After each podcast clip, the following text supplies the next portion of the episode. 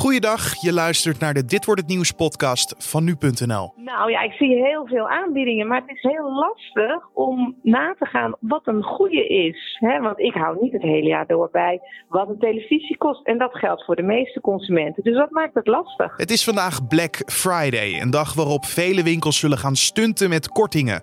Alleen zijn het daadwerkelijk stuntaanbiedingen? Of ligt het allemaal wat genuanceerder? Verder gaan we nog praten over de marketingtrucjes van deze dag en hoe je het beste kan zoeken naar aanbiedingen. Dat doen we met die je net al even hoorde, Joyce Donat van de Consumentenbond. Maar eerst kijken we kort naar het belangrijkste nieuws van vrijdag 29 november. En mijn naam is Carne van der Brink.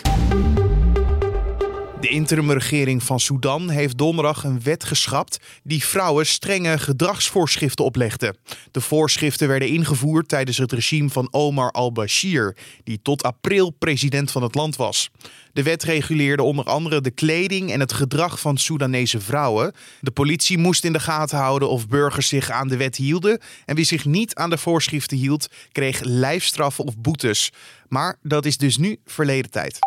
PSV heeft donderdagavond met 4-0 verloren van Sporting CP.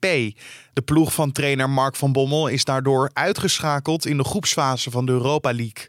Verder staat Feyenoord op de rand van uitschakeling in de groepsfase. De Rotterdammers speelden gisteren met 2-2 gelijk tegen Rangers. En op de laatste speeldag moet Feyenoord winnen in Portugal en is het afhankelijk van een ander resultaat in de groep. En laten we positief afsluiten, want AZ heeft zich juist verzekerd van overwinteringen in de Europa League. De ploeg van coach Arne Slot speelde dankzij twee late treffers van invaller Ferdi Druif met 2-2 gelijk tegen FK Partizan uit Servië en stelde daarmee de plaatsing voor de knock-outfase veilig. De leider van Noord-Korea, Kim Jong-un, heeft donderdag een nieuwe rakettest laten uitvoeren. Dat meldt het Noord-Koreaanse staatspersbureau. Kim overzag de test en zou ontzettend tevreden zijn met het resultaat. De projectielen landen in de zee bij Japan, ten oosten van Noord-Korea. Het is niet duidelijk om wat voor type raketten het precies gaat. En Noord-Korea zou dit jaar al meer dan 13 rakettesten hebben gedaan. Secretaris-generaal Siebe Rietstra, de hoogste ambtenaar van het ministerie van Justitie en Veiligheid, vertrekt. Dat meldt het ministerie donderdag. De secretaris-generaal vertrekt uiterlijk 1 april 2020 en zijn aftreden zou niet gedwongen zijn. Rietstra laat weten elders een andere functie te gaan bekleden. De secretaris-generaal werd in 2015 aangesteld bij het ministerie van Justitie en Veiligheid om problemen binnen het departement aan te pakken. In een reactie laat Rietstra weten dat hij terug kan kijken op een geweldig mooie en enerverende tijd. Daarvoor wil ik alle medewerkers van het ministerie en de daarbij behorende organisaties enorm bedanken. Aldus Rietstra in een bericht van het ministerie. En een KLM-vlucht van Schiphol naar Mexico-stad is donderdag boven Canada omgekeerd en is op de terugweg naar Nederland. Dit kwam omdat er een vulkaan in het midden van Mexico is uitgebarsten en daardoor moest het toestel uitwijken. Aan boord bevinden zich naast 257 personen ook 24 paarden. Volgens een woordvoerder van de KLM was terugkeren de beste optie, omdat geen enkel vliegveld in de buurt de paarden kan afhandelen. De vulkaan in Mexico, genaamd, en ik ga mijn best doen, Popocatépetl, is een actieve vulkaan die donderdagochtend uitbarstte. Tot 1,5 kilometer hoogte spuwde de vulkaan gloeiende as uit. En dan gaan we over naar het onderwerp van vandaag, en dat is Black Friday. Ja, en dit is een belangrijke dag, vooral in Amerika. Daar verwijst deze dag naar de vrijdag direct na Thanksgiving. In de VS is dat traditiegetrouw de eerste dag van de kerstperiode. En dan gaan vele mensen ook gelijk heel veel cadeautjes inslaan voor het kerstfeest. De afgelopen paar jaar begint het ook steeds meer te leven in Nederland. Althans, in elk blaadje, op elke radiozender en op de tv zie je wel iets over Black Friday voorbij komen. Alleen hoe kom je erachter wat een goede aanbieding is en wat niet?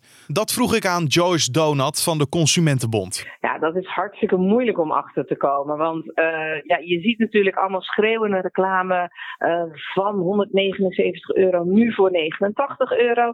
Maar ja, heeft dat ooit 179 euro gekost? Ja, dat weet je als consument niet. Uh, wij weten het wel, omdat we het onderzoeken. En we zien dus ook heel vaak dat nepaanbiedingen zijn. Hè, dat zo'n, nou laten we zeggen, een autonavigatie nooit 179 euro heeft gekost.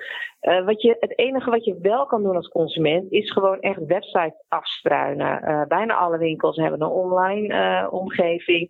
Als je dan een hele goede aanbieding ziet, of tenminste hij lijkt heel goed, ga dan datzelfde product ook even opzoeken bij andere soortgelijke winkels. En dan kun je zien van, oh, nou hij kost overal meer. Nou, dan heb je een goede aanbieding. Of hij kost overal hetzelfde. Ja, dan valt het dus tegen. Dus eigenlijk het enige wat je kan doen. Plus dat er websites zijn zoals die van de Consumentenbond, maar ook Tweakers en het AD. En zo zijn er nog wel wat websites die houden deze dagen de top en flops bij. We zien natuurlijk niet alles, maar je kunt sowieso even een kijkje nemen om te kijken of, of er een goede aanbieding voor je tussen staat. Ja, je zei het net al, Black Friday is een moment dat heel veel winkels en partijen lekker gaan schreeuwen dat ze de mooiste aanbiedingen hebben. Ik heb het idee van supermarkten tot elektronica zaken. Iedereen doet er wel iets mee. Zien jullie dan ook echt meer aanbiedingen dan voorgaande jaren?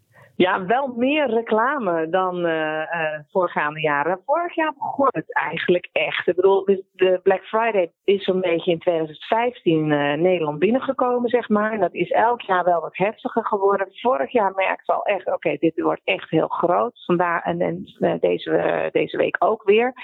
Um, er wordt heel veel geschreeuwd. maar of er dan ook allemaal meer aanbiedingen zijn, het hele jaar door worden natuurlijk aanbiedingen zijn er aanbiedingen. En het ligt er een beetje aan uh, ja, hoe goed die aanbieding is. Is het 10% korting, dan is het leuk. Maar dat is natuurlijk niet wat je bij een Black Friday aanbieding verwacht. Dan verwacht je veel meer. En dat ja, dat valt nog een beetje tegen. We denken dat de gemiddelde korting die wij nu zo zien is 20 procent. Um, dat is leuk, maar dat is niet hoger dan uh, door, de, door, het jaar heen uh, de aanbiedingen zijn. Want hebben jullie een soort van magische lijn wanneer je spreekt over een hele goede Black Friday aanbieding? Ja, ja, die hebben wij trouwens natuurlijk wel uh, zelf verzonnen, die, die lijn. wij zeggen bij 30% korting heb je echt een goede aanbieding. Dat is gewoon veel meer korting dan dat je door het jaar heen over het algemeen ziet. Dus 30% is een superdeal. Ja, dan moet je gelijk kopen, kopen en voor je hele familie inslaan inderdaad. Als je, als, als, als je portemonnee toelaat inderdaad. Ja, en als ja, je het nodig ja. hebt. Maar als je kijkt nu naar de, de productgroepen, producten, elk krantje, elk foldertje staat er vol mee. Maar is, mhm. is er nou één soort product of productgroep die er uitspringt qua populariteit? Ja, uh, wij kijken uh, voornamelijk naar de elektronica. Daar zien we gewoon heel veel reclame op. Dus daar uh, zijn wij de prijzen nu aan het peilen. we kijken niet naar kleding en reizen, dus daar kunnen we weinig over zeggen.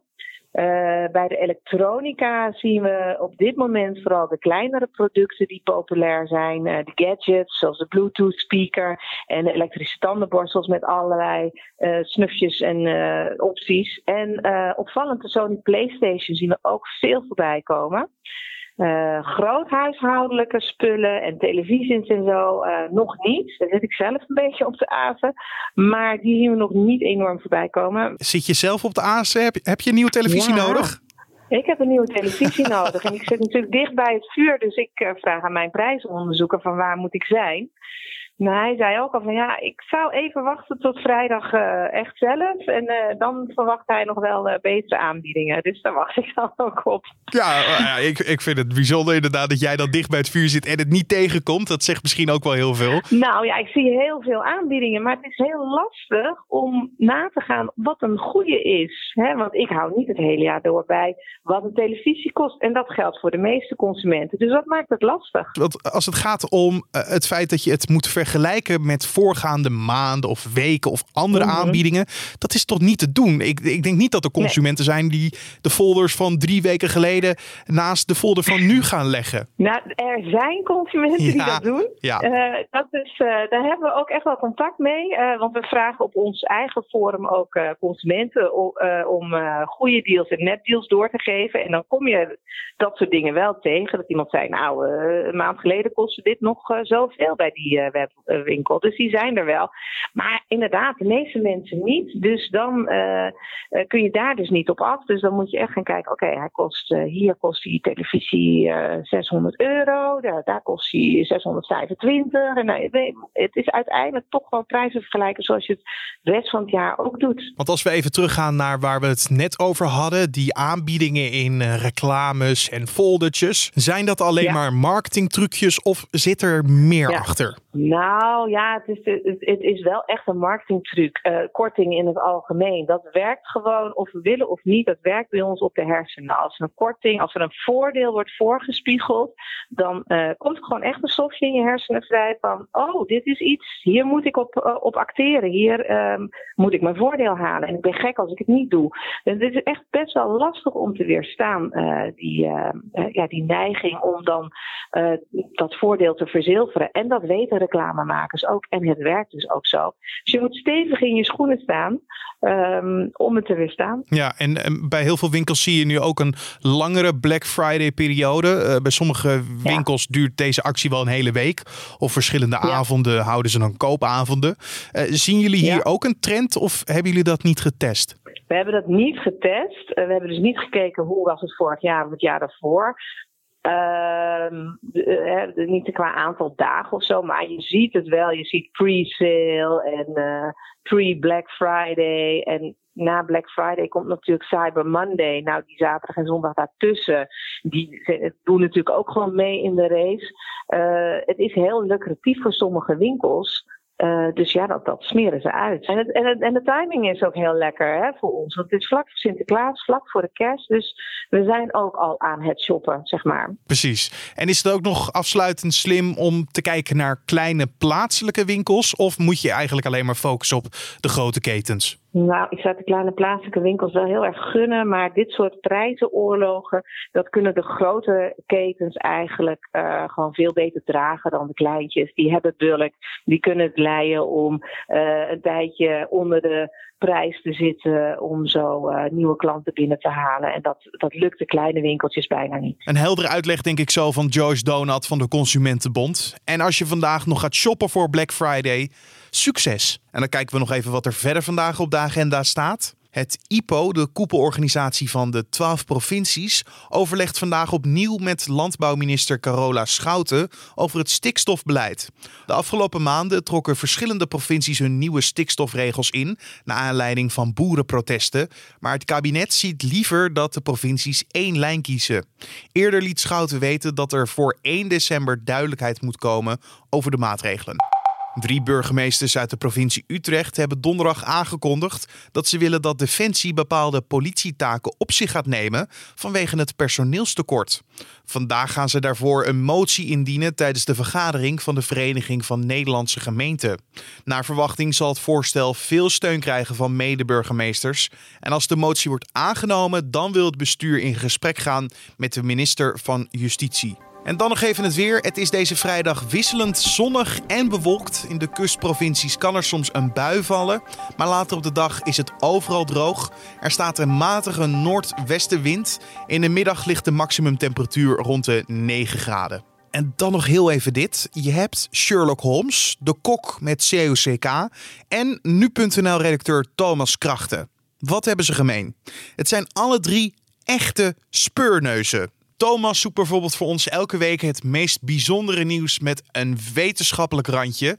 En dan kan ik je beter zelf vragen, waar gaan we het deze week over hebben, Thomas? Nou, Kene, als ik jou vraag, waar draait een planeet omheen? Wat zeg jij dan? Ik uh, gok, en ik ga een gok nemen, uh, sterren. Dat is uh, uiteraard correct.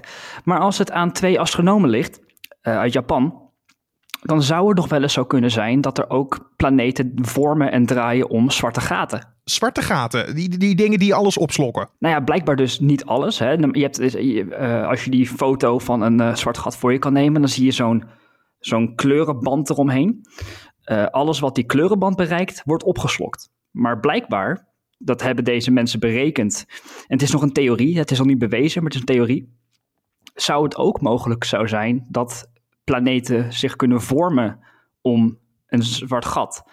En dan dat er dus gewoon een mogelijk planetenstelsel is om een zwart gat met duizenden planeten erin die zich tot 10 lichtjaar vanaf het zwarte gat verspreiden. Maar komt dat omdat het zwarte gat dan uh, niet sterk genoeg is om die planeten op te slokken? Of is het meer omdat de planeten sterk genoeg zijn? Niet echt een van beide eigenlijk. Het is, uh, hun theorie is, een, een, een planeet die vormt zich uit een stofwolk die om een ster zit. En volgens hun berekeningen kan zo'n stofwolk zich ook vormen om een zwart gat. En dat is dan een, een heel groot zwart gat. En dit, die stofwolk is ook enorm.